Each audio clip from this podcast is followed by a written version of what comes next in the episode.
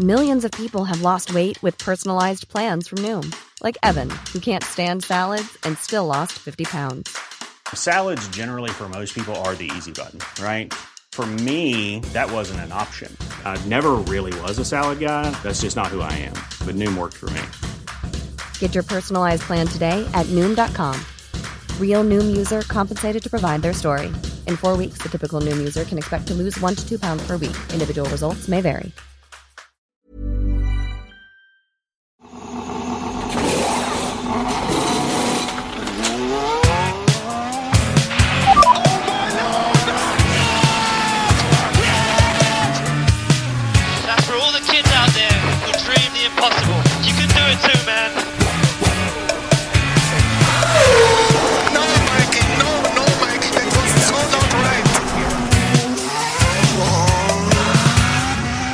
Claps and steering wheel. Steering wheel, claps and steering wheel here. Anna Andersson, ska du börja med att säga hej och välkomna tillbaka till eh, Plattan i mattan, eller? Det kan vi göra. Välkomna tillbaka till Plattan i mattan. Nu har det varit sommar, sol och en himla värme och nu är det dags att börja med de riktigt heta grejerna igen. Det är dags för eh, Belgiens GP, Filip Lindfors. Ja, fan vad bra du gör det! Det där är ju kanon. Tjena! Hallå! Men eh, innan eh, Belgiens GP så har vi ju inte bara själva det racet att eh, gå igenom i den här podden, utan det har ju varit ett sommaruppehåll. Och vi vill väl börja med att tacka de som har lyssnat på våra specialavsnitt som vi har kört här under sommaren, eller hur? Det har ju varit, eh, alltså först tack till eh, Dino Beganovic och till Stefan Lillövis Johansson som har varit med och gjort eh, två gästavsnitt. Kanon! Sen tackar vi för alla glada tillrop. Det är folk som har hört av sig och varit eh, glada över att vi har gjort lite annorlunda, så tack för det. Det har varit kul, eller hur? Jätteroligt. Framförallt så är det alltid roligt att eh, få jobba med ett annat medium eh, och få möjlighet att verkligen prata med både Stefan och med Dino. Man blev ju faktiskt sugen på mer när det gäller båda de här grabbarna. Det fanns ju när jag, vi hade lagt på våra online-lurar så kände man ju att det fanns ungefär tusen frågor till att ställa. Så det får vi väl ta vid ett senare tillfälle. Ja, jävligt bjussigt att man får de båda varsin timme ändå, ungefär. Eh, det är ju inte jätteofta man får göra intervjuer där man sitter i över en timme med eh, personen man vill intervjua i sådana här sammanhang. Nej, alltså i F1-sammanhang så är jag ju van vid att det är tio minuter. Så man ska ju helst ha bestämt sig för vinkeln innan så man kan trycka in liksom eh, intervjun och hinna med och få de svar man vill på 9 minuter och 43 sekunder. För sen är det någon PR-nisse som står och drar i dem som vill ha dem därifrån. Klassiska PR-nissarna. Eh, ni som inte har lyssnat på eh, våra två senaste avsnitt, jag vet, ni är ju många som som lyssnar varje avsnitt och har det som en liten onsdagsrutin kanske, men om det är så att man eh, sladdar in nu här på Plattan i mattan inför Belgiens GP som eh, drar igång i helgen så kan vi ju tipsa om att det är ändå ganska kul eh, lyssning. Först får man höra Dino Beganovic för två veckor sedan snacka om eh, hur det är att vara talangförare för eh, Ferrari och att vara svensk racings framtid. Och förra avsnittet så hade vi ju då Sveriges eh, racinglegendar Stefan Lillövis Johansson som har kört F1 i en jähudrans massa race för eh, bland annat Ferrari.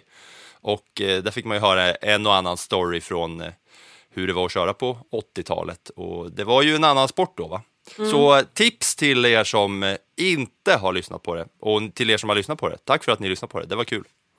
En sak som jag tänkt på i efterhand när det gäller just Stefans intervju, det är eh, det han berättade om porpoising-problemet. Vi som har tagit upp det och diskuterat det gång på gång på gång och han som har, fortfarande har en bra insyn i Ferrari där han berättade lite mer om hur de har löst problemet. Det tyckte jag var grymt kul att höra. Men nu fokuserar vi på andra grejer på framtiden tycker jag. Nu kollar vi framåt för att det har varit ett uppehåll sedan sista juli va? Och nu är- börjar vi närma oss eh, slutet av augusti. Så våra F1-förare har ju fått eh, ha ledigt och som du har berättat Anna, man får inte skicka ett enda litet mail. Det är knappt så att man får ta upp ett papper och penna under sommaren och, och eh, liksom föra anteckningar för eh, sitt arbete med F1 utan det är liksom arbetsstopp totalt. Men det har ju inte hindrat vissa förare, från, vissa förare och vissa stall från att eh, ha eh, rejäla bråk vad det gäller kontrakt. Men dit kommer vi. Och ni som hänger med i hela F1-cirkusen, ni vet ju att vi snackar om alpin. Men det som vi ska göra idag i det här avsnittet är att vi ska gå igenom lite team för team hur det har sett ut från säsongstart till nu och vad vi kan förvänta oss framåt nu under resterande race som är kvar av den här säsongen. Och det börjar ju med Belgiens GP i helgen. Men innan det ska vi bara ta några små, stora nyheter som har varit under sommaruppehållet som vi inte har rört vid på grund av att vi har gjort två gästavsnitt. Och då tänker man väl ändå så här att det har ju varit en del Porsche snack i F1 och då är det ju alltså att, eh, ja, det har vi varit och nosat på ett par gånger i podden, men nu vill väl jag säga att 2026 så är det ju spikat och klart. Då kommer Porsche ha en eh, motor med i Formel 1 va? Mm. Ja, frågan är om det bara är motor. Alltså, vi ska ju all... När det gäller F1 så ska man ju aldrig någonsin säga att allting är klart. För även om det är skrivet i sten så kan man ju flytta på den där stenen. Det är ju Formel 1 trots allt. Så att, men det som har hänt är ju att Fias världsråd har skrivit under reglementet till 2026. Och Volkswagen Grupp, där både Porsche och Audi ingår, är ju intresserade av att kliva in i Formel 1. Och eh, Audi säger ju att vi kommenterar inga rykten och ryktet säger att Audi är på väg att bli en partner till Sauber som är teamet bakom nuvarande Alfa Romeo. Alfa Romeo och Sauber har ju haft ett samarbete som går liksom år från år där. Om ni minns för ett år sedan så var det ju så att eh, Michael Andretti var intresserad av att köpa just Sauber, men det sprack under förhandlingarna förra hösten. Så där finns det ju en ingång. Och Sauber har ju tidigare också haft samarbete med BMW och de har väldigt bra faciliteter. Så att Audi, Sauber skulle kunna bli en bra kombo. Och när det gäller Porsche så är det senaste snacket att Porsche vill köpa in sig i Red Bull och då ersätta Honda som officiellt inte har någonting med Red Bull numera att göra utan de lämnade förra säsongen. Men det är, Men det är ändå Honda-motorer. Ja, det är faktiskt så att Honda skickar ju de där motorerna till Red Bull och de stoppar i dem, så de har ju ett litet så här underbordet samarbete. Men där är Porsche intresserade av att kliva in och där säger en talesman för Porsche, eller taleskvinna, en talesperson kanske vi ska säga för att vara korrekta, att eh, vi välkomnar Fias eh, beslut om det kommande reglementet efter 2026. Men eh, vi kan inte göra några fler kommentarer när det gäller ett eventuellt engagemang för Porsche i F1 under den här tidpunkten. Så att det är väl så att det är ett rykte som ah, känns som betydligt mer än ett rykte och kommer att presenteras ännu mer inom en hyfsat nära framtid. Kul att Porsche då visar intresse för det teamet som är överlägset bäst och kör in överlägset mest poäng. Och järvt av Red Bull då, om det är så att man vågar göra den här grejen, att släppa då sin framgångsrika Honda-motor som ändå, ja, kan man nästan slå fast redan nu, kört hem två mästerskap åt dem. Och då, och då byta. Nu är det ju 2026 vi snackar om, massor hinner ju kunna hända fram till dess och så vidare. Men, eh, men ändå, att fingra på, fingra på ett eh, motorbyte ändå. Ja, men man måste ju samtidigt veta att det blir ju ett helt nytt reglemente. Formel 1 går ju mot en grönare framtid. Det kommer att handla om mer elektronik, det kommer att handla om fossilfritt bränsle. Så att det blir ju en väldigt, väldigt stor omgörning till den här säsongen och det är ju väldigt viktigt för alla team att ha en motorleverantör som man kan börja jobba tillsammans med i tid. För det såg vi vid det förra motorbytet 2014 vad det betyder, för det var ju då Mercedes klev in i sin dominanta roll. Så att det där är ju superduperviktigt. Ska man göra det där bytet så är det ju kanonbra att göra det i god tid. Och Porsche är ju ett starkt namn. För att, för att bara liksom klargöra för hur långt fram i tiden vi är så kan man säga att den enda föraren i griden nu som har kontrakt som sträcker sig längre än 2026, det är Max Verstappen som har ett kontrakt till 2028. Alla andra har kontrakt som går ut innan den här eh, reglementet bytet. Ja, men det kontraktet som Verstappen har skrivit på, det känns ju som ett livstidskontrakt. Alltså man skriver inte sådana långa kontrakt egentligen i Formel 1. Det är ju helt, det är ju helt galet det där kontraktet kan jag tycka. Ja, de, de två förare som är bakom där, eller tre förare som är eh, bakom, det är ju alltså i längd på kontraktet. Det är Lando Norris som har till slutet av 2025. Fernando Alonso nu med Aston Martin som har 2024 och eh, även Perez i Red Bull. Så Red Bull har ju, har ju sitt på det torra. Och Con har till 2024 också. Ja, det är några stycken till ser jag. Ja, men det tar ju också, ska man bygga, bygga en, en motor som håller, funkar efter ett helt nytt reglemente. Vi pratar ju liksom ett, ett jobb, ett gediget arbete som ska testas och provas och det tar ju flera år. Det är ju inte bara en motor, de ska ha en bil som funkar till också. Så att det här är ju ett arbete som, kommer, som redan pågår och som kommer att intensifieras nu. Så att eh, F1 är man ju ganska långt fram. Kul ska det bli att följa. En annan grej innan vi går in på team för team som jag tänker eh, ändå är lite intressant och kul för att han har ju ändå vunnit Formel 1 eh, världsmästerskapet. Kimi Räikkönen eh, fick feeling och slängde sig in i, i en Nascar-bil för att köra, för att köra Nascar ett race. Där han sa, där folk frågade, ja, men har du inte ditt eh, legacy on the line här, vad händer om det går dåligt för dig? Och Räikkönen säger bara, det spelar ingen roll, jag ska bara köra ett race, jag skiter väl i om det går sämst.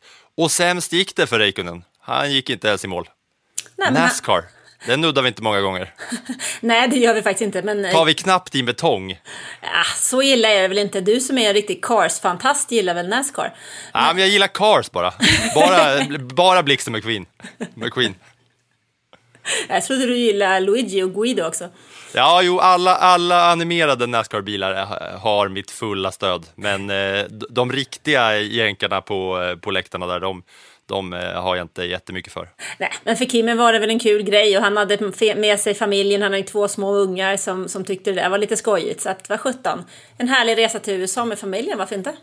Och det var inte en ovalbana, utan det var en bana med lite kurvor också. Ja. Ja. Mm. Nej, så, mycket, så mycket Nascar får ni i plattan i mattan. Vi kan också säga att eh, Kviat var med och körde, gamla F1-föraren också. Han kom ju sist och Räikkönen gick inte ens i mål.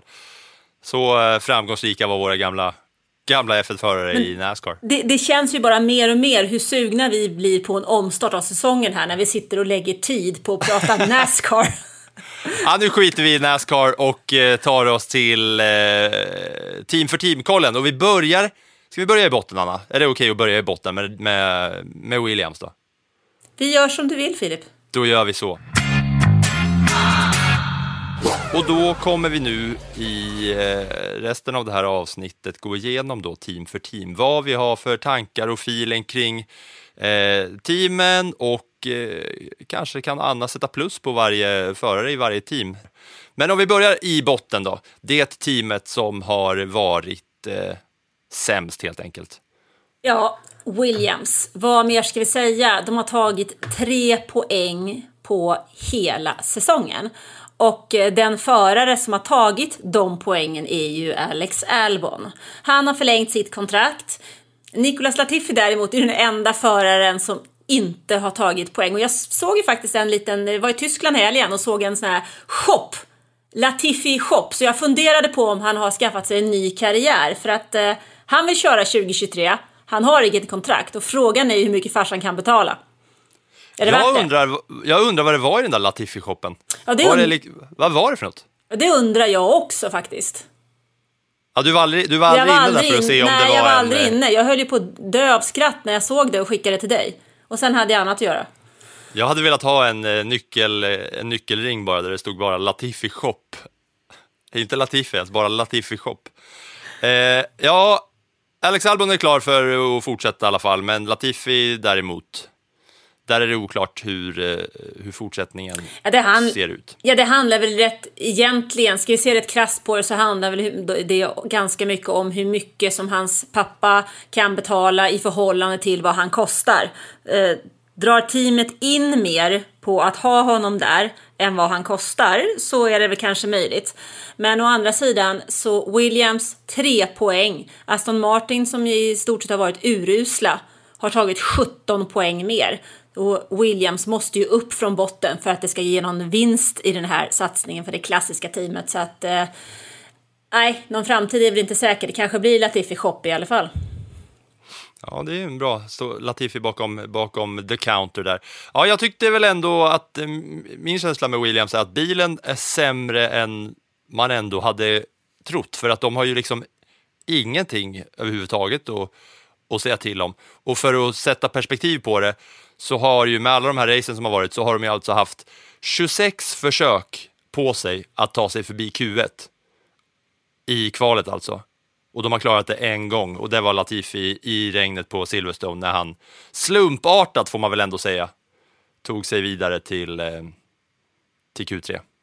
Ja, men tittar man på det, nu är det visserligen nya regler i år, det kan vi inte glömma bort, men för ett år sedan så slogs de med Haas och eh, Alfa Romeo och nu får de ju tokstryk. Ja, ja men exakt. Det, de, hade ju, de hade ju någon att kampas med. Nu har de, inte, nu har de liksom inte... Nu har de ingen motståndare. Nu är de ju bara råknall sist i botten. Och de har ju inte heller varandra att tampas mot eftersom att Latifi är så pass mycket sämre än, eh, än Albon som är, som är teamkollegan.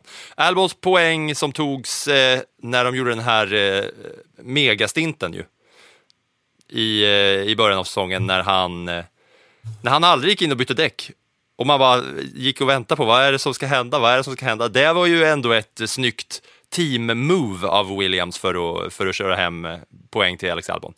Ja, men vi ska ju, alltså Jos Capito som, är- som är teamchef där, han är ju duktig. Han har ju vunnit stora framgångar i VM i rally. Så det är ju liksom ingen dussinlirare som sitter där. Men de måste ju få ordning på grejerna. De måste ha två förare som kan jobba tillsammans med att utveckla bilen. Och just det här med att utveckla bilen kanske inte är, är eh, båda förarnas största styrka. Även om Alex Albon är en duktig förare. Ja, och det ser man ju ändå. Alltså Latifi är ju i princip sist alla race som har körts. Ja, de gångerna som man är före någon så är det ju för att bilar och förare har kraschat eller liksom DNFat, så att säga. Men eh, Albons siffror är ändå 13, 14, 10 poäng, 11, 9 poäng, 18, sen DNF, 12, 13, DNF, 12, 13, 17 inför eh, Belgien här nu. Så det är ju ändå siffror som eh, inte är fruktansvärda. Han är ju ändå uppe och nosar på det med ett par tolv, eh, tolfteplatser och elfteplatser. Ja, han, li- han ligger en pinne bakom Lance. Ja, och Latifi är alltså som väntat sämst av alla. Eh, Om du ska eh, plussa de här två killarna då? Alltså, Latifi får ju en etta, för det betyder underkänt. Albon får ju ändå en... Han kan ju få en tvåa. Det är ändå godkänt att ha tagit poäng eftersom bilen faktiskt inte håller riktigt. Så att, eh, där är vi vansinnigt snälla. Den där tvåan beror nog också på hans frisyr, tror jag. Albons frilla. Ja, men det där röda håret, det är ju rätt roligt. Ja, lite Ljungberg-färgat på, eh, på något sätt. Nej, det, det ska han ha, tiebreaten. Och då tar vi oss vidare till Aston Martin och där undrar jag om eh, vi ska nämna Eh, den lilla rokaden här som skedde på slutet innan, eh, bara för att fräscha upp minnet. Ja, det kan vi väl göra. Vi kan väl konstatera att Sebastian Vettel eh, lägger av efter säsongen och det kommer att bli ett otroligt tapp för det teamet. Vettel är ändå 14, man tycker han har haft en dålig säsong, men han är ändå 14 man i VM och har tagit 16 poäng.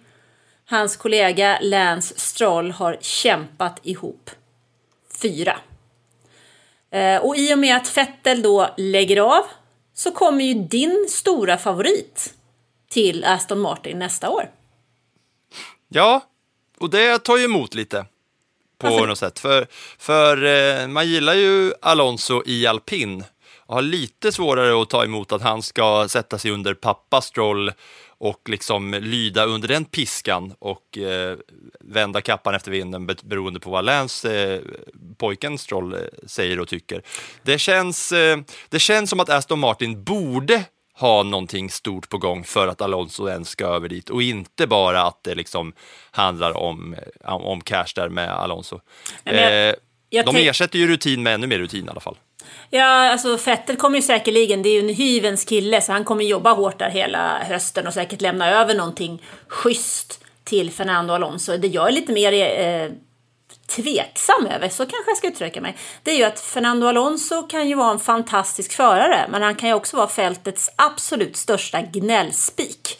Under de åren som han körde med McLaren Honda, han var ju så himla nöjd och skulle göra den där eh, McLaren-bilen till världsmästare igen med Honda-motorn, ända tills han började köra. För sen så gnällde han ju och gnällde och gnällde och det finns ju få jag ska inte bara säga före, utan få idrottsmän som kan bli så otroligt tjuriga som Fernando Alonso. Och en tjurig Alonso i kombination med Lance Stroll och sen en chef som heter Lawrence Stroll, ja då kommer ju Micke Krack och får det jobbigt kan jag säga som teamchef.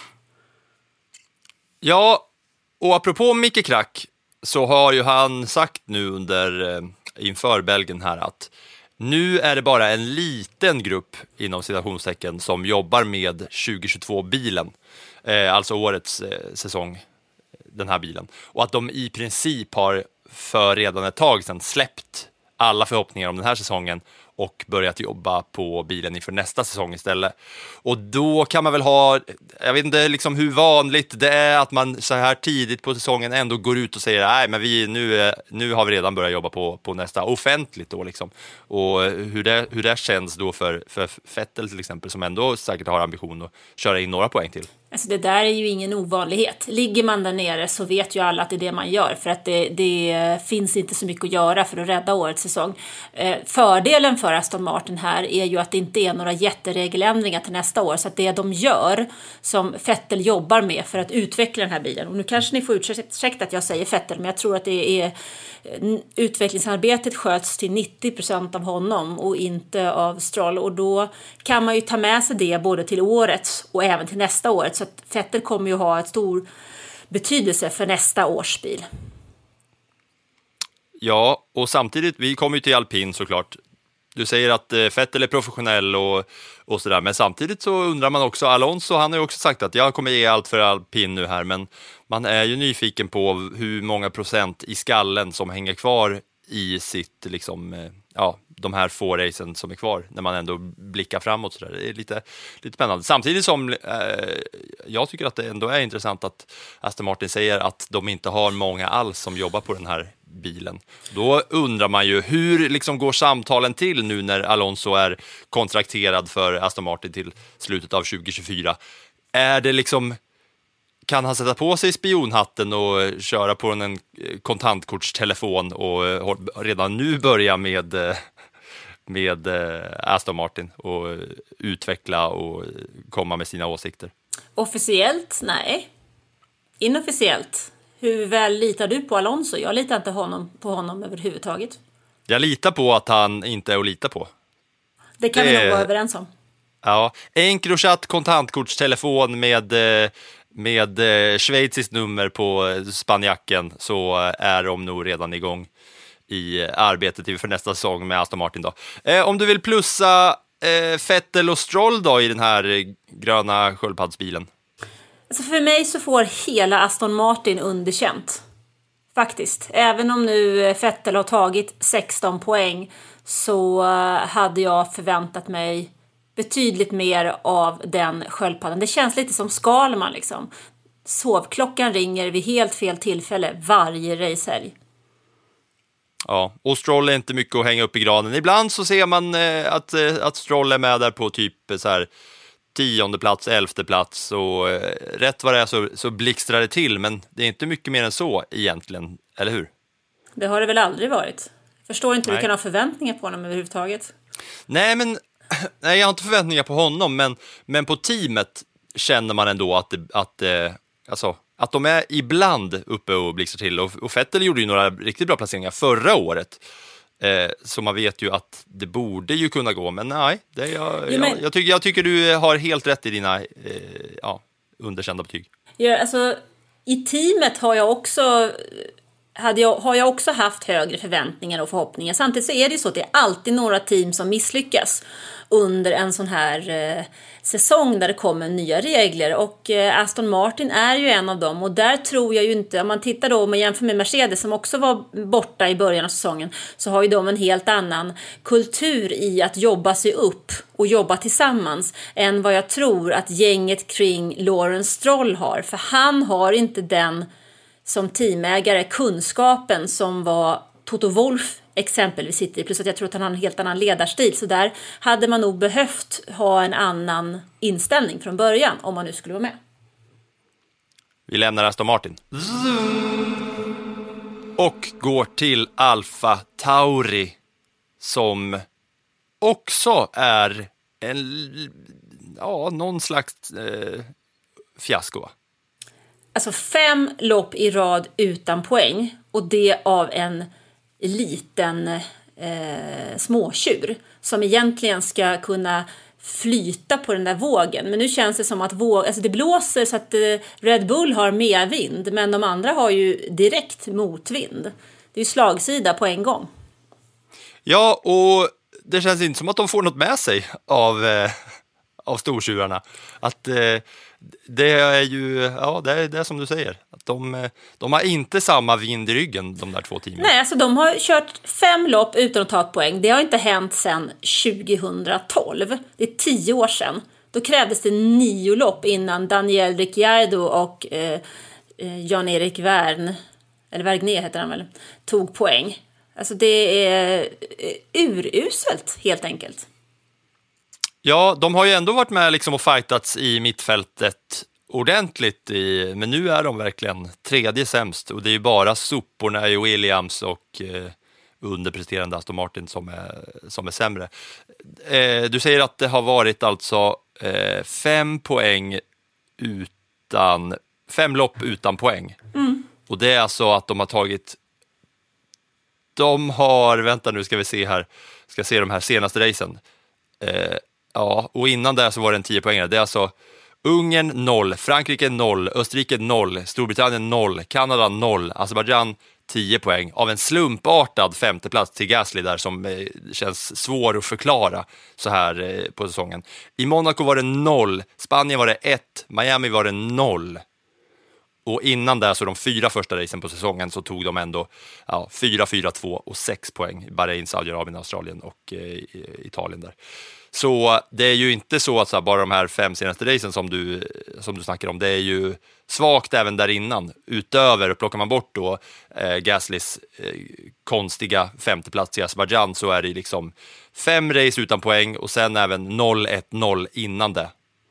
Ja, Det, har är ju inte bra va? Nej, det är ju inte bra om man ser att eh, Alfa Tauri faktiskt är ju ett team som har legat med där uppe. Gasly är en förare som både har vunnit race och tagit po poäng.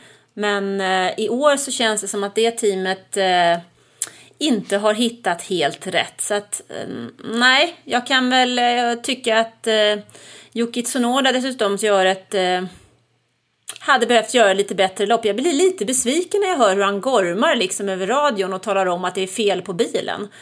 Eh, kanske hade varit något bättre då om man hade talat om vad som var fel på bilen så att man hade kunnat rätta till det och utveckla dem istället för bara tala om att den är värdelös.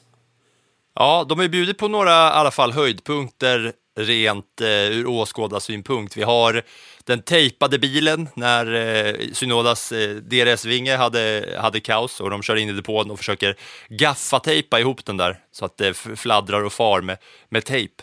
Och sen så när vi är inne på Synoda så har ju han liksom visat prov på att han kanske inte riktigt är mogen och då tänker jag på de här två gångerna som han har kommit ut ur depån och på liksom utvarvet har snurrat för att han inte kan eh, ha rätt känsla för hur snabbt eller hur mycket han kan pusha de nya däcken som han lagt på. Ett race var ju, då snurrade han ju för fasen rätt ut ur, eh, ur depårakan. Ja, och ett annat så innan han gick in, eh, ja, innan han hade kört ett varv därefter med nya däck. Det är ju, det är ju eh, prov på kvalitetsmiss va? Ja, sen så tänker jag framförallt också på det här att man måste ju, har man en bil som inte fungerar så måste man ju utveckla den. Och hur utvecklar man den bilen så att den fungerar? Ja, men det gör man ju genom att ge en vettig feedback. Där är ju föraren nyckel. Föraren måste ju tala om hur bilen fungerar, hur den känns. Och så att eh, det gänget som jobbar med bilen, alla ingenjörer och mecka kan, tjäna, kan liksom få en, en bild av åt vilket håll man ska gå. Och talar man bara då om att det här är värdelöst, jaha, vadå? Vad ska de göra med det då? Vad ska de göra med den informationen? Mm. Och de är ju inte på uppåtgående eh, heller. Känslan är ju inte att det är på gång uppåt för, för Alfa Tauri. Så jag tror inte vi ska förvänta oss eh, några stordåd redan i Belgien eller? Ja, det kommer ju tre lopp nu här, tre veckor i rad, så det blir ju tre vansinnigt viktiga lopp för alla de här teamen som ligger lite längre ner också, där de verkligen måste vara med, för man, det är många poäng att vinna, men också oerhört många poäng att förlora. Betyg! Ja du, jag sätter nog en tvåa på Gasly ändå. Eh, med hans 16 poäng, lika många som Vettel och den där femteplatsen var ju bra liksom. Tsunoda, underkänd. Etta. Ja, nej, det håller jag helt och hållet med om. Say hello to a new era of mental health care. Cerebral is here to help you achieve your mental wellness goals with professional therapy and medication management support. 100% online. You'll experience the all new Cerebral Way, an innovative approach to mental wellness designed around you. You'll get a personalized treatment plan from a therapist, prescriber, or both in a safe and judgment free space. Your cerebral therapist or prescriber will outline a customized plan with clear milestones along the way so you can get to feeling your best. With Cerebral, you're not alone in your mental health journey. We're here to empower you to live a fulfilling life. So take that first step towards a brighter future and sign up today at cerebral.com slash podcast and use code ACasts to get 15% off your first month. Offer only valid on monthly plans. Other exclusions may apply. Offer ends July 31st, 2024. See site for details. Vi lämnar Alfa Tauri då.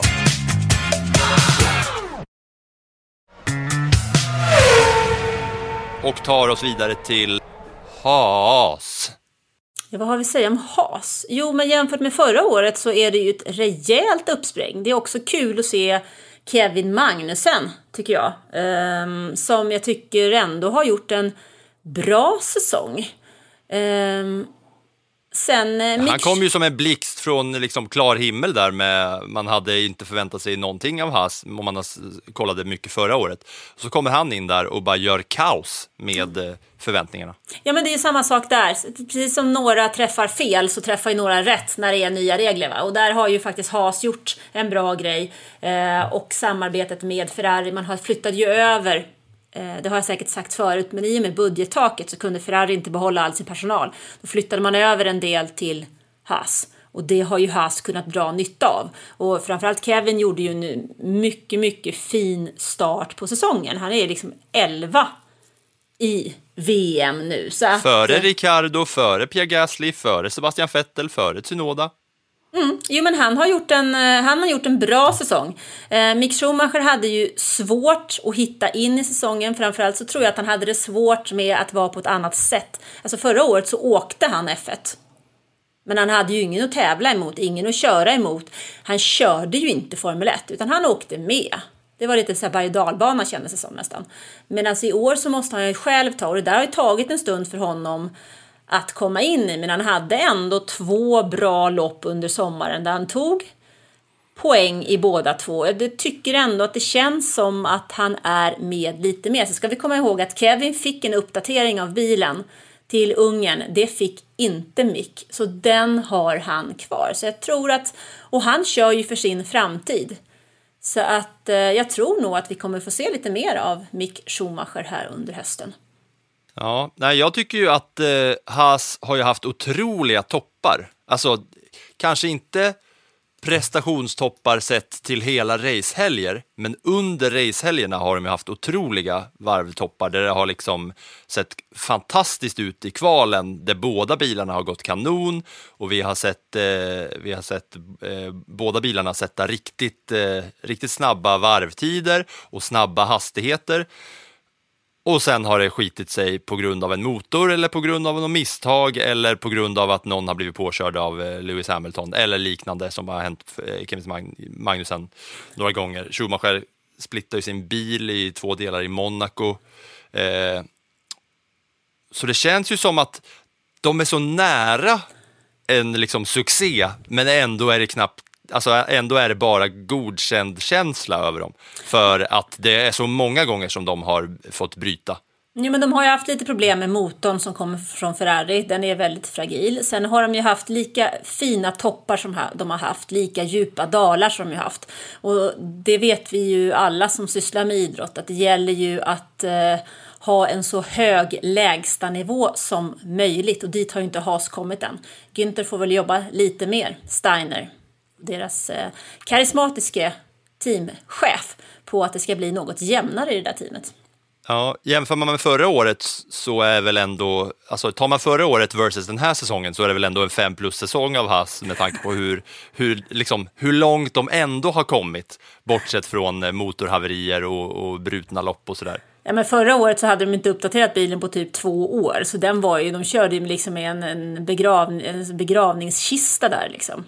Hela säsongen. Men, men de har ju, det har ju varit en snackis den här säsongen att de faktiskt inte har uppgraderat bilen särskilt mycket överhuvudtaget än. Det har saknats stora uppgraderingspaket och du säger att Magnusen fick en liten uppdatering till, till Ungern. Men man undrar ju när de här uppdateringarna ska dyka upp. För alla andra team har ju pratat om att ja, men nu kommer vi med stora uppdateringar. Haas har liksom sagt det, men sen bara nej, det blev, vi, vi skjuter upp det där. Men Jag undrar ja. om vi får se en dunder-dunder-bil av Haas nu på slutet. Ja, sen så beror det lite på vad man har för taktik också. Deras taktik har ju hela tiden varit att de ska ju veta vad de uppdaterar innan de gör uppdateringen. De vill ju känna bilen. För mycket inom Formel 1 handlar ju om att du ska ju veta hur bilen reagerar. Och det är ju helt idiotiskt att göra uppdateringar när man nu lever under budgettak och har en begränsad ekonomi, vilket HAS faktiskt har. De har ju lite pengar i förhållande till många andra. De måste de ju sätta på rätt sätt. Och då är ju frågan om här, vågar jag göra uppdateringen innan jag vet varför jag gör den? Eller är det bättre att jag väntar så att jag hittar rätt i den uppdatering jag gör? Jag tror att de försöker vara effektiva och smarta här. Och det är ju, tittar vi på dem ändå så de är sjua i VM. De ligger lite i ingenmansland, före Alfa Tauri, efter Alfa Romeo, mittemellan alforna där. Frågan är ju liksom hur högt upp de kan komma. Oavsett om de blir eh, sexa, sjua eller åtta så är det ju ett klart steg uppåt ifrån eh, sista platsen i fjol. Så mer pengar kommer vi få röra sig med i alla fall. Eh, Haas har från slutet, om, om man börjar då med Ungern, Frankrike, Australien, eller Österrike, så har de alltså kört 0-0, 14 poäng, 5 poäng Silverstone, 0 poäng Kanada, 0-0-0-0-0 hela vägen till Emilia Romagna där de tog 3, 0 i Australien, 2 Saudiarabien och sen den där fina starten med 10 poäng eh, i, i början av säsongen. Så de har ju, eh, ja det är precis som du säger, det är höga toppar framför allt och en del djupa, lite längre dalar. Och då är det ju motorproblemen som är deras eh, krångel. De har ju sett skitbra ut i kval många gånger. Ja, För men, att sen eh, falla igenom eh, totalt i racehelgen, eller racet. och vad är skillnaden på kval och race? Du kör inte mot någon annan, till exempel har jag lärt mig, och att man får köra så om man vill. och mjuka däck och du ska inte köra 70 varv. Precis, kvalet är ett varv, ish. Ja. Ja, spännande med Haas tycker jag om det ska bli några uppdateringar för att eh, jag tror att det är många av våra lyssnare mm, av den Drive to Survive-generationen, om man får kalla oss för det, som ändå gillar Günther Steiners gäng. Så jag tror ändå att det är många som sitter och hoppas lite här. Jag är en av dem. Ja, du är långt ifrån ensam. Eh, Tack. Det finns nog ett gäng Günther-fans där ute och jag tror att eh, teamet har blivit ännu mer populärt tack vare Kevin Magnusson dessutom. Plussa våra vänner nu då. Ja, med tanke på höga toppar och djupa dalar så hamnar vi på ett godkänt resultat ändå. Möjligen så kan man låta Kevin närma sig en trea. Men jag tycker ändå att vi ska hålla, då, hålla ner dem lite grann för att det är lite för ojämnt. Och framöver så vet vi att Kevin Magnussen har en eh, multi-year deal. Mick Schumacher, högst oklart där vart han ska ta vägen. Det är ju lite, ja, det är ju lite kaos på den här transfermarknaden. Smårykten om att ifall det blir den här storrokaden, eh, att eh, det, har tisslats och tasslats pyttelite om Daniel Ricciardo till Haas om Schumacher skulle eh, ta sig vidare. Ja, men vart ska, Spännande att vart, se vad det blir. Vart ska Schumacher ta sig vidare? Ja, det får vi se. Men det är, jag, jag pratar inte om sanningar här, jag pratar om rykten va, i silly season-tider. Och då är det, ett ryk, då är det rykten som, eh, som, som säger följande alltså. Vi lämnar Haas och tar oss till Alfa Romeo. Ja, där hamnar vi i samma läge som vi gjorde för de andra Alfan. Tycker jag. Där är det Alfa Tauri hade fem lopp utan poäng. Alfa Romeo har fyra lopp utan några poäng. Så att eh, de kan faktiskt inte vara helt nöjda med den här sommaren. Och det är också ett team, precis som Haas, som kör med en av Ferraris motorer. Och där har det varit lite trassel. Den är ju vansinnigt snabb men också väldigt, väldigt känslig och fragil. Ja, deras, om jag bara kollar på deras poängskörd, så var det ju en jäkligt bra start hela vägen fram till, eh, till Spanien. Eller ja, Monaco tog de poäng också, men det är ju alltså från starten av säsongen, Bahrain, Saudiarabien, Australien och framåt, så är det 9, 0, 4, 12, 6, 8, 2 poäng hela vägen fram till Monaco. Det är ju en stark start och sen har det varit alltså 0 poäng Azerbajdzjan, 10 i Kanada och sen 0-0-0 Storbritannien, eh, Österrike, Frankrike, Ungern. Så det är ju också så här, ja, det är en jäkligt bra, bra start och man var ju imponerad av Bottas eh, och Joe i början också, men Joe har haft massor med otur. Eh, han har ju varit den som har fått bita i liksom Ferrari-motor, den brända kakan där så att säga. Mer än Bottas. Är det bara otur då? Ja, vad- vad är det då? Att de gasar för mycket? Nej, jag bara funderar lite grann här. Eh, man säger liksom på något sätt så känns det inte rätt att när vi pratar om Formel 1 på den höga nivån säga att man har otur. Eh, man tycker ändå där känns lite som att eh, det är en vikande trend. Bottas känns som han är rätt man för det där teamet. Han eh, verkar trivas, duktig på att utveckla bilen, teamet trivs med honom.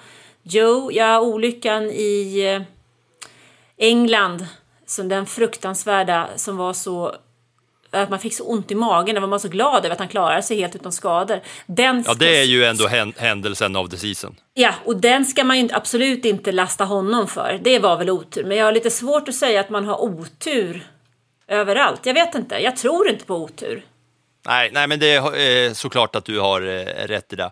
Jag tyckte det var liksom, jag kommer ihåg hur det var i början. Jag, man tänkte ju att det inte kommer bli mycket för eh, Alfa Romeo. Man hade sett på, på försäsongstesterna hade det inte sett så bra ut. Jag kommer ihåg att mitt påstående till dig var inför säsongen att Bottas skulle ta noll poäng. Och du, som jag minns det, tyckte att det ändå lät rimligt med den saken. Men han motbevisade ju alla framförallt. De såg ju sjuka ut i början.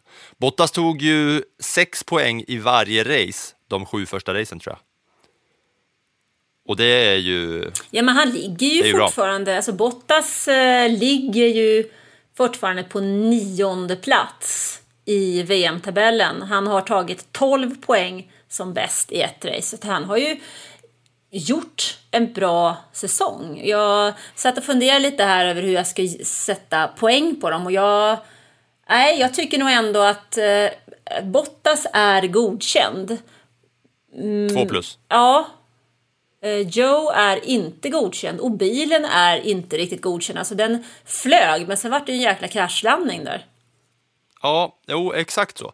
Eh, jag vill bara säga på Joe tror jag har haft eh, åtta stycken did not finish hela den här säsongen. Eh, och det är ju rätt tufft för en debut, en debutant så. Eh, sen så i början var det ju så att det var mycket snack om eh, weight limit. Kommer ihåg vi snackade om att skrapa färg av bilen och sådär. Och det var ju det enda teamet på hela startinggriden som faktiskt höll sig inom ramarna för, för hur mycket, eller hur, li, för hur lite bilen fick eh, väga. Mm, och det var säkert en av anledningarna till att det gick så bra under början av säsongen. Sen har ju de andra reducerat sin vikt och då blir det ju ett helt annat, alltså det blir ju en helt annan tävling. Det handlar ju lika mycket i F1 om att vara med i början av säsongen som att utveckla sin bil under säsongen. För gör man inte det så spelar det ingen roll om du är bra med i början. Då tar du poäng men sen så rasar du fältet när de andra lite större teamen kommer ikapp. Så att eh, det där utvecklingsracet är ju minst lika viktigt. Mm, nej, men det var exakt dit jag ville komma och du satte ju fingret på och huvudet på den berömda spiken där så att säga. Så det var ju, ja, nej, men det, det är svårt med dem eftersom att poängen togs i början och de ligger ju ändå helt okej till eh, så att säga, alltså med tanke på att det är Alfa Romeo liksom. Ja, men får, Eh, de får ju ligger bra till men det är på grund av en bra sta- start. Ja, så de har fyra, på, fyra nollor nu i rad och den trenden får inte fortsättas för det är bara nio lopp kvar och fyra lopp till där så har du åtta nollor och då är du snart uppäten. Ja. Hade du betygsatt dem efter Spanien, då känns det som att det hade varit eh, liksom snudd på 4 plus på, eh, på Alfa Romeo, när de hade tagit mycket poäng i, i, början. Men eh, nu betygsätter de hur? Jag ger eh, Bottas en tvåa, vilket är godkänt, och Joe en etta, vilket är underkänt. Men nu är vi där igen, Filip, alltså. Wenn meine Großmutter hette wäre sie en omnibus. Men gråta hade säda vädde höra sina motorbuss. Om min mormors buss hade hjul och vingar så skulle den flyga med orange färg på taket. Klassiska tyska uttrycket. Ja, men ungefär va? Nej, men om utifall att, det hade ju kunnat vara. Det är där vi hamnar. Alltså om utifall att, det skulle vi kunna diskutera tusen gånger. Faktum kvarstår, de har fyra nollor, de har inte råd med fyra nollor till. Punkt. Nu lämnar vi dem. Och tar till McLaren. Alltså jag får nästan ont i magen när jag hör ordet McLaren och lägger man dessutom på Daniel Ricciardo så får jag definitivt ont i magen.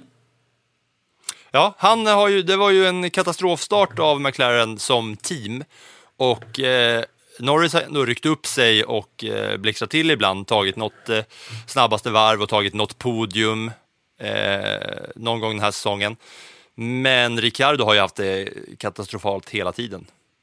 Ja, alltså han hittar ju inte rätt i den här bilen och Daniel Ricciardo är ju en förare som kommer med ett namn. Det är en racesegrare från Red Bull. McLaren skrev på ett kontrakt med honom tidigt under hans tid hos Renault. Han fick en bra lön, de har höga förväntningar på honom och han kör som en kratta. Mm. Det är korrekt, tycker jag. De själva trodde väl att de skulle vara rätt bra före alpin och det är ju där kampen är för McLaren nu.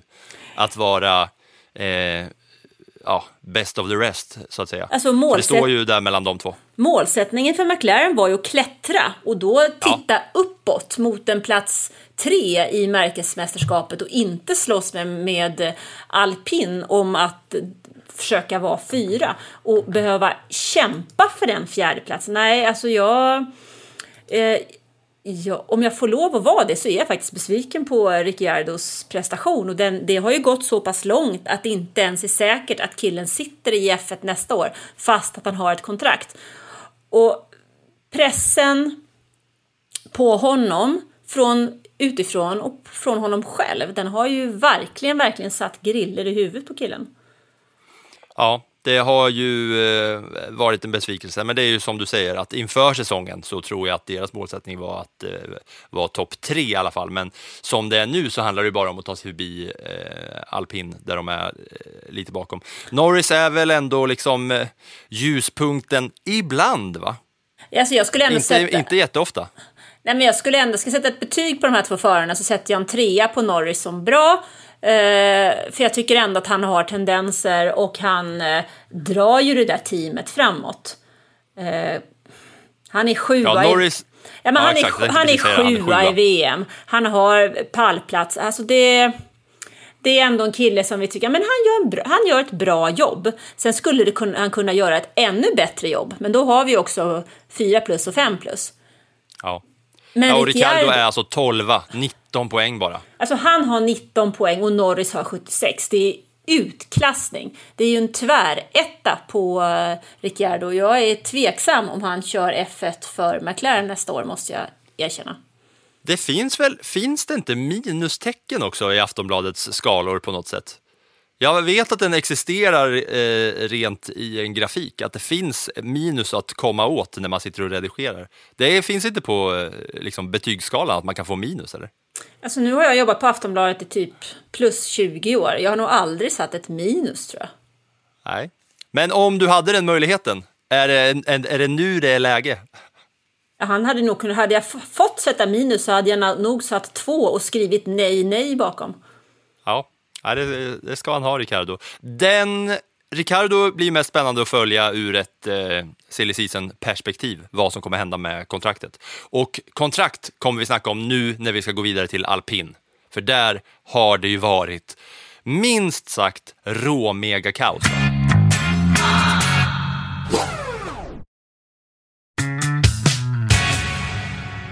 Ja, jag vet inte riktigt vad jag ska säga för ordet råmegakaos känns ju som att det har tagit in allting. Men vi kan väl dra det lite kort, helt enkelt. Ja, Alpin, nej, men, eh, ska, jag, ska jag testa eller? gör det. Se om jag hängt med. Det börjar med att Alonso går ut med och säger att han ska gå till Aston Martin för nästa säsong. Och i samband med det, dagen efter direkt, så, eh, så kommer Alpin med ett pressmeddelande där de säger att Piastri, Oscar Piastri som har vunnit F2, han kommer vara den som kör bredvid eh, Esteban Ocon nästa år. Men i det här pressmeddelandet så finns det alltså ingen kommentar från Piastri själv, som verkligen är så här formulär 1A när man skickar ut ett pressmeddelande. Att det är ett pressmeddelande som säger ja, det här och det här kommer hända och så har man en liksom legalös kommentar från eh, personen i fråga som säger ja, jag ser fram emot det här, det ska bli jättekul att jobba med teamet, bla bla bla. Det har man ju sett hundratusen gånger när liksom, ja, men, fotbollslag eller hockeylag värvar spelare och så är det alltid en kommentar längst ner som är helt legalös. Men när de skickar ut den här press, eh, pressreleasen då, Två timmar senare så kommer Oscar Piastri själv och säger, ja, Piastri har ju varit eh, liksom tredje förare och testförare för eh, alpin här och kontrakterad för dem då. Men två timmar efter att alpin skickar ut sin pressrelease så skriver Piastri att eh, eh, I understand that without my agreement, alltså utan min tillåtelse, så har alpin F1 eh, slängt ut ett pressrelease där de säger att jag ska köra för dem. Det här är fel och jag har inte eh, signat något kontrakt med alpin för 2023. Jag kommer inte köra för alpin nästa år. Och då börjar det ju liksom eh, ja, anas ugglor i mossen och vassen och hela faderullan. För det verkar som att han vill köra för McLaren om man går ut så starkt för det. Det är det som det pratas om att hans, hans liksom, eh, management-team och så vidare, att han vill köra för McLaren. Men McLaren har inte ens en plats för Piastri och då går det ganska snabbt sen med att eh, det blir liksom kaos i hela, hela F1-världen där. Eh, för det verkar som att alpin då ganska direkt efter eh, har tagit till liksom, eh, ja, advokater och legal advices, eller vad heter det då? Vad heter det sådana här? Eh, Jurister? Ja, jurister är det. Eh, att de berättar att de har kollat med sina jurister innan de gick ut med pressreleasen för att de här kontrakten som är skrivna med Piastro, att de liksom ska gälla så pass mycket så att de är säkra på att han kommer köra. Och då är det ju extra surt för att de har lagt ner pengar och cash på Piastri som har kört 3500 kilometer i tester för alpin. De har lagt ner oändligt med cash och nu då om det är så att han ska liksom gå till McLaren så är det så att det ska de, den tid och pengar som de har lagt ner på honom, det kommer gynnas deras största rivaler. Va? Mm.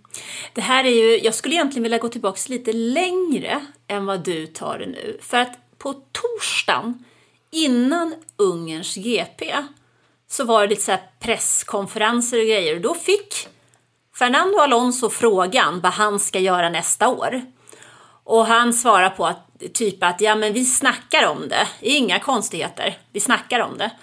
Sen efter det så gör Fettel klart att hans karriär i Formel 1 är slut. Och då plötsligt händer det någonting. Det jag kan tänka mig, utan att veta, det här är alltså vad jag skulle kunna tänka mig, så finns det någon form av klausul för Alonso som sitter på den 31 juli det kan mycket väl också vara så för Piastri att 31 juli här är ett nyckeldatum. Och Piastri ska vi också komma ihåg, han har även funnits med i McLarens pool av reservförare. Han blev presenterad som reservförare för Alpin och McLaren så att McLaren hade någon ifall att det blev covid eller liknande under den här säsongen. Och den presentationen skedde redan i mars. Så han har ju haft en relation med McLaren betydligt längre än den sista juli. Så där någonstans i det här datumet, sista juli, finns någon form av sanning i kombination med de här kontrakten som antagligen är så snåriga att till och med de här juristerna med sina fina slipsar och pennor och knytblusar. Peruker tänker man att de har. Peruker? Men det är väl i... Ja, sådana här gamla, gamla brittiska Känns nästan som att det, det är sånt som de har på skallen. Ja, det är, kanske är en peruk där. Ja, men det känns som till och med de kommer att snåra in sig. Och det är väl därför som vi inte hör någonting mer. För det finns antagligen fram och tillbaka, höger och vänster, vad som gäller i det här fallet. Eh, men det är ju rörigt, en himla soppa. Det var som jag sa till dig här strax innan vi spelade in, det är ju inte bara en tomatsoppa enkel, utan det här är någon slags blandning mellan både en tomatsoppa, köttsoppa och så lite fisk på det. Ja, riktigt eh, snårigt är det. Och jag kollade faktiskt upp lite. Det är ju, eh, Ottmar eh, Zafnauer som eh, är högsta hönset i alpin. Va? Och det här har faktiskt hänt honom förut. När han var teamchef för Honda, eller vad heter de? De hette Bar Honda då va? Och då ville Jenson Button dra till Williams, men på liknande maner så tvingades han kvar. Och nu har samma Safnauer sagt att det är 90, han sa det här till Reuters, att det är 90 procent chans att de kommer dra eh, Piastri till domstol för, för hela det här eh, ja, råmiga kaoset. Mm. Ja, det blir spännande att se. Jag vågar varken säga bu eller bä, utan det får väl helt enkelt de jurister som kan och har insyn i det här göra. Men det känns ju som att det är någonting som blir spännande och dessutom kommer att påverka resten av både den här säsongen och uppladdningen inför nästa. För det beror ju väldigt mycket på vad som händer. Försvinner Ricciardo från McLaren, vart tar han vägen då? Ja, byter han bara till alpin så där, det är ju gamla Renault, där har ju han varit förut. Eh, Det som gjorde att han lämnade då, den ledningen i det teamet, finns ju inte kvar. Så Klassiska Cyril. Ja, han har ju lämnat så att det kanske Ja. finns liksom andra möjligheter och öppningar där att gå tillbaks. Det hade ju varit en enkel lösning. Men det kan också finnas andra varianter. Så att det beror ju helt och hållet på hur de här kontrakten är skrivna och de har inte jag sett. Scenario är ju så här va. Antingen är det så att Piastris management team, de är så himla säkra att de har en plats i McLaren nästa år. Och då, om det är så, så är det antingen så att Ricardo och teamet i McLaren är liksom överens om att han kommer dra. Eller så har McLaren då fifflat bakom Ricardos rygg och tänker att de ska antingen då köpa ut han eller att de, att de har något lurt i kikaren. Det är ju liksom det potentiella scenariot här om man får spekulera eh, för Piastri och eh, Alpin och McLaren som är i en röra. Och det är ju extra hett för att det här är liksom de största rivalerna nu som, all, som liksom kör om, ja, om fjärdeplatsen. Sen vill jag också bara, innan vi, innan vi eh, lämnar hela det här kontraktskaoset, så vill jag också hylla Alex Albon som dagen efter Piastri har skickat ut sitt pressmeddelande där han skriver I understand that without my agreement, bla bla, har puttat ut en pressrelease. Så skriver Alex Albon dagen efter, ordagrant nästan likadant. Ja, jag förstår att med, med mitt, min tillåtelse så har Williams Racing gått ut med ett pressrelease eh, och sagt att jag kommer köra för dem nästa år. Det här är korrekt och jag har signat ett kontrakt med Williams för 2023. Jag kommer köra för Williams nästa år. Det tyckte jag var fem plus kul och eh, där steg han i rang hos mig som gillar eh, lite trolleri utanför, eh, utanför banan också. Då. På banan då, alpin, om vi bara tar lite kort där. Jag tycker ju att alpin har gjort en eh, bra säsong, även om eh, det känns ju som att det finns lite spänningar mellan Fernando Alonso och Esteban Ocon. Eh, men allt annat skulle ju vara förvånande för Fernando Alonso brukar ju komma med en del trubbel. Han är ju inte direkt någon smidig kille utan där i händer det alltid mycket framför och bakom olika kameror. Så att eh, en fjärdeplats för alpin. De har tagit poäng i alla race i år utom ett.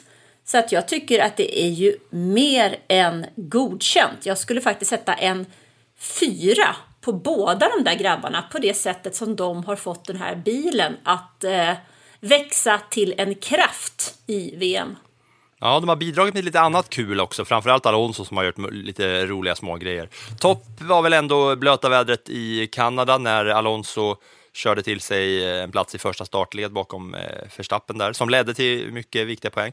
Nu är det spännande att se vad som kommer hända kommande race, för de har ju liksom tampats lite mot varandra ändå, Alonso och Con har liksom så här skiftat, eh, skiftat lite i vem som, vem som kommer bäst. Men nu är det ju klart att Alonso drar eh, till nästa år och då undrar man ju, ett scenario där Ocon ligger bakom Alonso mot eh, slutet eller någonstans i racet, är det då potentiellt så att teamorders eh, delas ut lite mer frikostigt där de säger åt eh, Alonso att släppa Ocon? Och hur kommer Alonso reagera? Ja, det är väl den, den intressantaste frågan är väl snarare om Alonso accepterar en order eller inte. Det beror nog på dagsformen skulle jag tro. Ja, det tycker jag ska bli spännande att följa. Nu tar vi oss vidare till topp tre. Och där har vi Mercedes. Ja, Mercedes, de har ju smugit fram här från en urusel star, start. Vi har snackat om eh, de här eh, jobbiga porpoising-problemet där bilen går väldigt lågt. Förarna visar hur ont i ryggen de har. Men efter den här otroligt tuffa säsongstarten så står vi nu där och vi har sett hur de har tagit dubbla pallplatser och de är faktiskt bara 30 poäng efter Ferrari i konstruktörsmästerskapet. Och har lika många pallplatser som Ferrari. Ja, och vi har ju en eh, Lewis Hamilton som har gått från att vara frånåkt av eh, George Russell till att nu liksom plocka in fyra pallplatser i rad. Har jag räknat rätt? Fyra pallplatser i rad. Ja, alltså Russell hade ju en otrolig streak där han var liksom topp fem hela tiden. Han var Ja, topp fem, topp fem, topp fem, topp fem och det var ju en otrolig streak för, för honom att komma från Williams till Mercedes som ändå hade en skitdålig bil i början. Och ändå har de kört in massor med poäng. ja de Trots, ligger, ja, trots de- det. För i början var det verkligen så här bara oj, de här skulle ju fan inte ens klara sig i Formel E typ. Nej, och nu ligger de 30 poäng efter Ferrari. Ehm, och eh, det känns som att de har en uppåtgående trend. De är på väg mot första segern och eh, frågan är hur långt bort den är. Vi har ju hela tiden sagt att det alltså, Mercedes kommer att komma. Det finns ju inte något team egentligen som är lika duktiga på att hela tiden arbeta och arbeta sig framåt. Nej, det är väl jag framförallt som har sagt nu de senaste liksom, åtta avsnitten att snart kommer det. Nästa vecka kommer Mercedes första seger. Det är på gång, det är på gång. Eh, ja, jag, alltså, jag vill slå ett extra slag för hur jävla dålig start det var på den här säsongen, men ändå gick så bra. För de var så långt borta och man såg hur de var liksom, Lewis Hamilton inte ens gick vidare från Q1 i kvalen i början och så vidare. Men anledningen nästan ensamt här till att Ferrari, eller till att Mercedes ligger så pass bra ändå med tanke på eh, liksom, bilens hastighetsproblem är ju ditt favoritord tillförlitlighet. Ja. De går ju i mål hela tiden med okej placeringar på båda och det är ju liksom, ja, bortsett från Russells eh, liksom krasch där på Silverstone när han kutar ut ur bilen och försöker eh, hjälpa till med, med kinesen, så de går ju i mål hela tiden. Jo, Eller hur? Ja, och eh, som jag sa, Hamilton. Det är, inte, det är inte bara fyra pallplatser i rad som jag sa utan att kika efter, utan det är fem. Sen Kanadas GP den 19 juni, vilket är mer än två månader sedan, så har han stått på prispallen i varje race, eller efter varje race. Och tittar man på det så vet man ju var, var Mercedes är på väg. Och antagligen, han har ju fått eh, hugg på någonting här också. Ja, de är på väg uppåt. Både Hamilton och eh, Russell. Russell. Mm. Och det är ju också glada miner, känns det som. Att de är så jävla glada i Mercedes nu helt plötsligt. Från att vara trumpna och sura i början och liksom knäpptysta och klagandes på det mesta. Så nu känns det som att de är, vi är så himla glada, vi är så glada för teamets jobb här, för den här tredje eller fjärde platsen. Oj, oj, oj, vi har så bra stämning i teamet. Nu kommer vi, let's go, let's go Mercedes. Uh, uh, uh.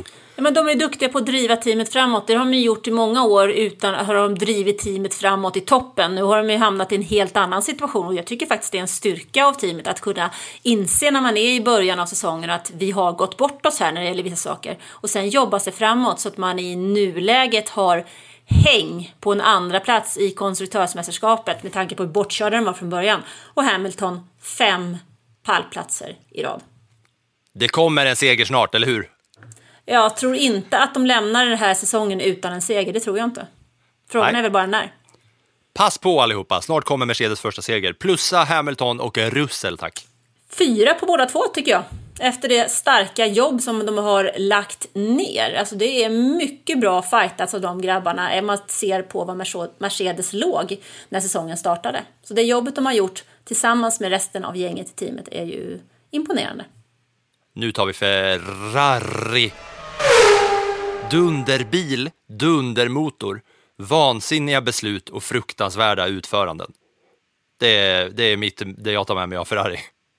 Ja, men det känns ju som att de har ju haft såna otroliga möjligheter i år. När Mercedes plötsligt försvann från den här dominanta positionen så hade de ju möjligheten och de låg vansinnigt bra till i början av säsongen. Så Charles Leclercs inledning av säsongen var ju jättebra.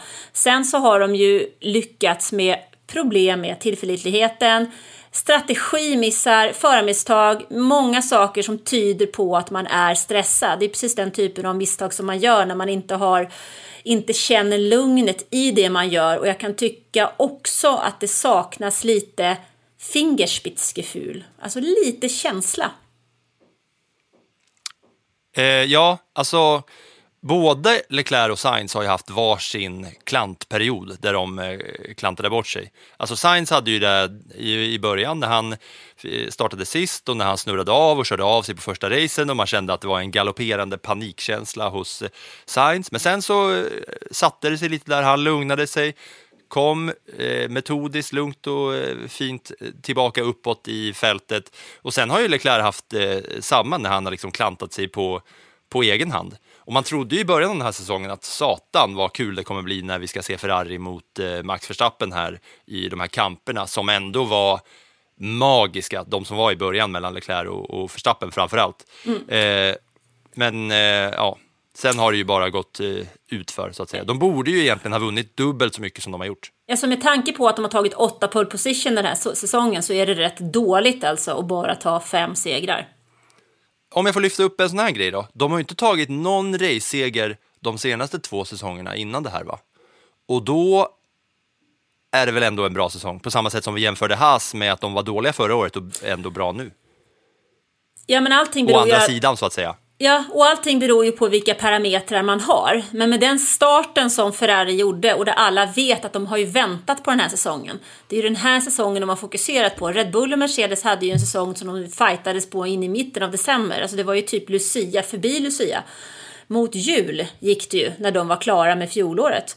Och i år, medan Ferrari då hade chansen att bygga upp för det här inför hela året. De har jobbat inför det här rätt länge och börjar så himla bra. Ja, men då känns det ju som platt fall när man inte kan utföra det som man har haft för målsättning att göra. Och jag tror ju att hade vi hade det var, låt oss säga att det hade varit något annat team. Hade det varit Aston Martin som hade börjat med tre segrar och sen så ramlat efter lite grann så hade det sagt ja, ja, mm, det var en bra start. Men vi har ju helt andra krav på Ferrari. Det är Ferrari vi pratar om. Det röda teamet som varit med sedan 1950. Det är klart som sjutton Ja. att om de bygger upp det och de förväntningarna har de själva, då vill man ju att det ska räcka mer än i tre race. Och det är ju så här också med eh, Ferrari, att vi pratade om det med Ferrari-motorn i Haas förut, att de har gjort det bra i kvalen. Och Ferrari har ju gjort det, eh, alltså liksom, de har varit bäst i kvalen. De har åtta pole positions av 13 möjliga, tror jag. Jag är inte helt hundra på eh, att det är exakt så, men jag tror det, det är något stil med åtta pole positions av 13 möjliga. Och de har ändå bara tagit fem segrar. Jag tycker att de borde leda både förare och konstruktörsmästerskapet, men ändå så är de bara 30 poäng framför Mercedes. De borde göra mycket, tycker jag. Så här, Eh, de borde vunnit Spanien. Där smällde Leclercs motor framför mina ögon där jag satt på läktaren i 36 graders värme. I Monaco var det taktikhaveri när de köttade in båda bilarna bakom varandra i depån och det gick åt helvete. Azerbaijan så smällde Sainz motor på varv 9 och Leclerc eller ja, det var hydrauliken eller ja, det var i alla fall haveri, Ferrari-haveri på varv 9 och sen Leclerc på varv 20.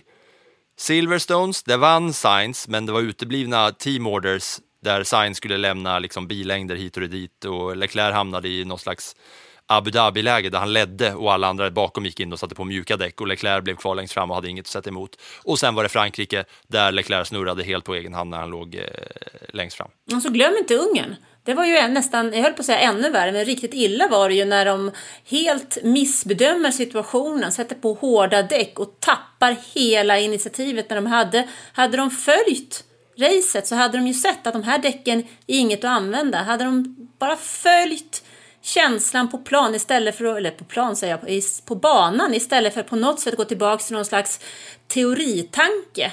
Hade de följt livet så som det var och faktiskt utvecklade det så hade de ju kunnat vänta med depåstoppet istället för att bli så himla nervösa. Sätta på ett mjukare däck och då hade han vunnit där. Nu istället så känns det bara som allt som kan gå fel, går fel. Och med allt det här sagt då, vi har inte sagt mycket positivt om eh, Ferrari. Får de något betyg? Ja, de får väl, ja, de får varsin trea, alltså bra får man väl ändå säga. Så. Men man hade ju velat sätta fem plus och se fram emot nio magiska race den här hösten. Men jag är lite orolig. Ja, och då har vi bara ett team kvar. Och det är ju, som jag har sagt några andra gånger i den här podden, det känns som att det inte finns så jävla mycket att säga om Red Bull, för att de är så outstanding. Nej, alltså då, Max Verstappen har ju skaffat sig ett makalöst försprång. Vad är det? Är det 80 poäng? Alltså han skulle kunna ta semester i två tävlingshelger och ändå leda. Eh, så pass stort försprång har han skaffat sig när det ändå såg så jobbigt ut liksom i Bahrain så, och i Australien och ändå så har han liksom, nej, verkligen dragit om och hittat rätt. Han har nio segrar. Så att eh, det känns ju som att den killen vinner årets mästerskap. Ja, han har ju alltså, jag kollar på en bild framför mig här nu, Max Verstappens senaste 36 race så har han alltså tre stycken när han inte gått i mål. Han har en 19, alltså senaste 36 race snackar vi om. Tre röda när han inte gått i mål, en 19 plats, en 18 plats, en 9, en 7, en 3. Och sen är det nio andra platser och resten första platser. Ja, men jag kan tycka också det här med att, att eh, Mercedes nu kommer upp igen och är med där uppe. Det känns ju inte som att de i första hand snor poäng av Red Bull, utan det känns ju som att Mercedes i första hand snor poäng av Ferrari. Och då kan ju Max Verstappen stå där och säga tack så mycket.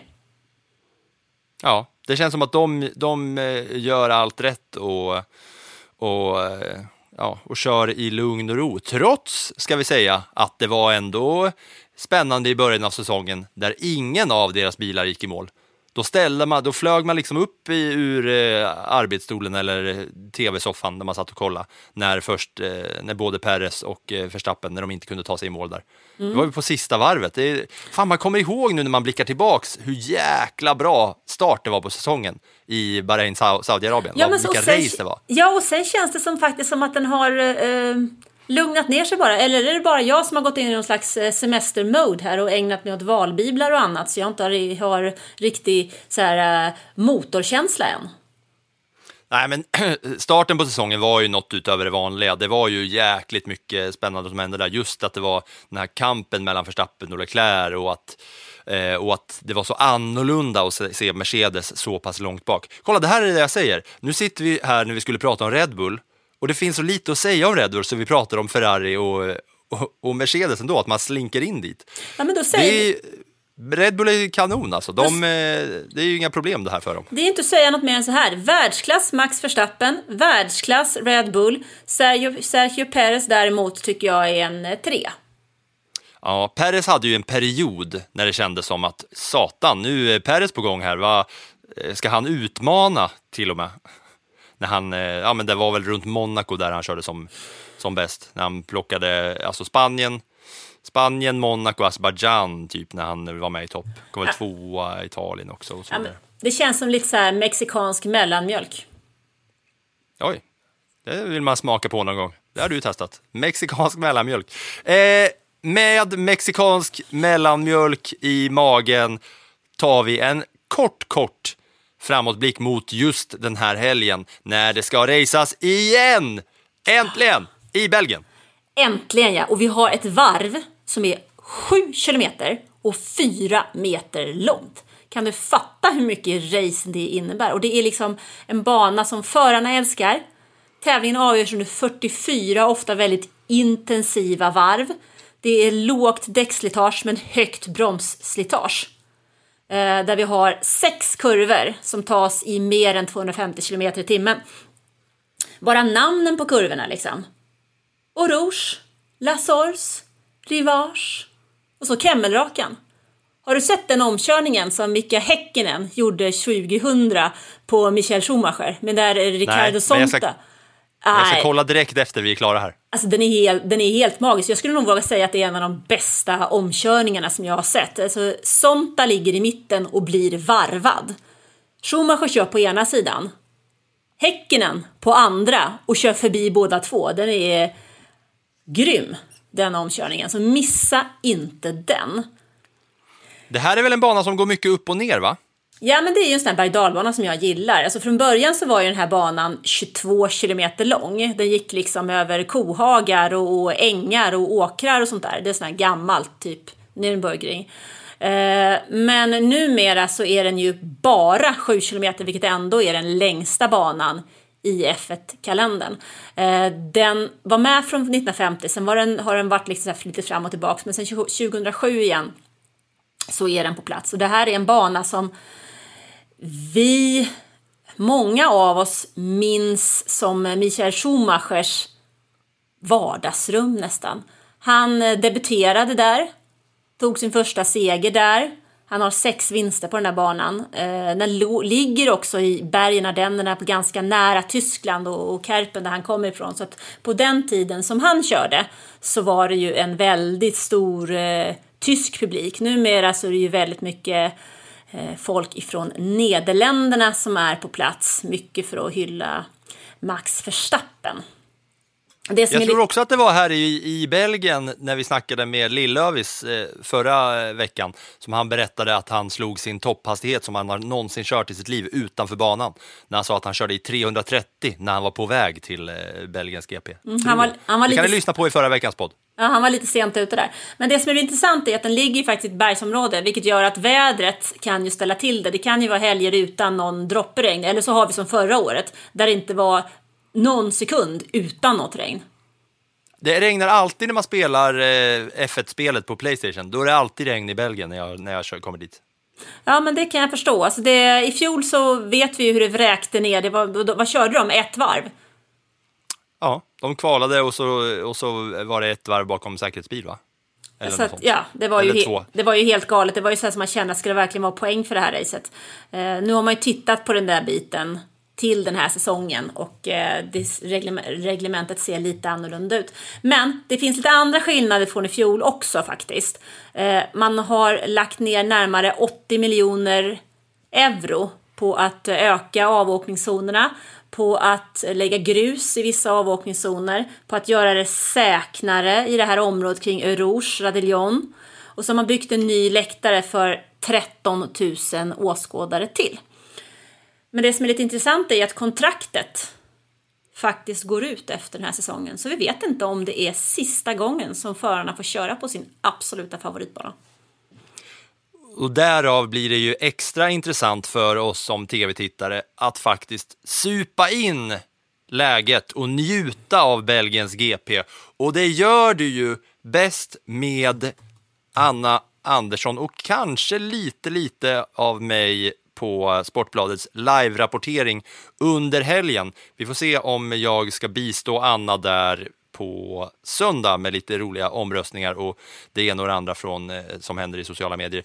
Men ni följer ju loppet med vår vän Anna Andersson vid er sida på Sportbladets live-rapportering när ni kollar på racet. Eller om ni är iväg på något annat släkt Baloo eller något bröllop eller ni sitter på någon middag och inte, kan, eh, och inte kan följa racet. Då drar ni bara upp mobilen och har den under bordet och så följer ni live-rapporteringen där Anna berättar om hur det går under racet. Då ska ni följa all data som finns tillgänglig Mm. Du, nu, det, eh, en nu sak vill jag bara testa på dig här. Ja, varsågod. Ja, Belgiens GP. Vi har en svensk som faktiskt har vunnit det där loppet en gång. Men då eh, gick den inte på spa, då gick den på Solder. Ja, och då undrar Vågar jag ju om det... du chansa? Eh, ja, ja, Ronny P. Det hade kunnat vara Ronny P. Men ja. samma tidpunkt så fanns det faktiskt en annan kille som många av våra äldre lyssnare eh, gillar. Det är inte ABBA-trummisen Bergud? Nej, den här killen heter Gunnar Nilsson. Otroligt lovande kille som faktiskt om, eller avled eh, in, inte så långt efter det att Ronny gjorde det 1978. Eh, men han gick bort i cancer. Men eh, han vann faktiskt. 1977 så hade vi en svensk segrare i Belgiens GP. Det var Gunnar Nilsson. Och då som en hyllning till Gunnar Nilsson väljer vi att eh, avsluta på det här veckans avsnitt på den noten. Och blicka framåt mot att säsongen nu är igång och att eh, det raceas nu kommande helger. Så varje vecka när du slänger upp din podcast-app på onsdagar så kommer du kunna lyssna på nedsnack och uppsnack om eh, kommande race när Anna och jag går igenom eh, vad som har hänt i Belgien och i de kommande racen. Vem vinner på söndag, Anna? Max Verstappen. Ja, det är väl, man är väl en idiot om man vågar säga något annat. Men jag är ju lite semi-idiot, så jag säger att det är Mercedes. De kommer här nu. Pass på allihopa. Snart kommer Mercedes. Nu åker vi vidare. Hej då! Hej då!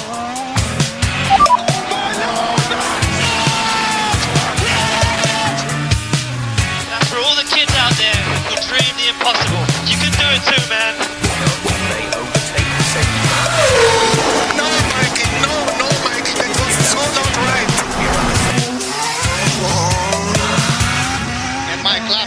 their equipment.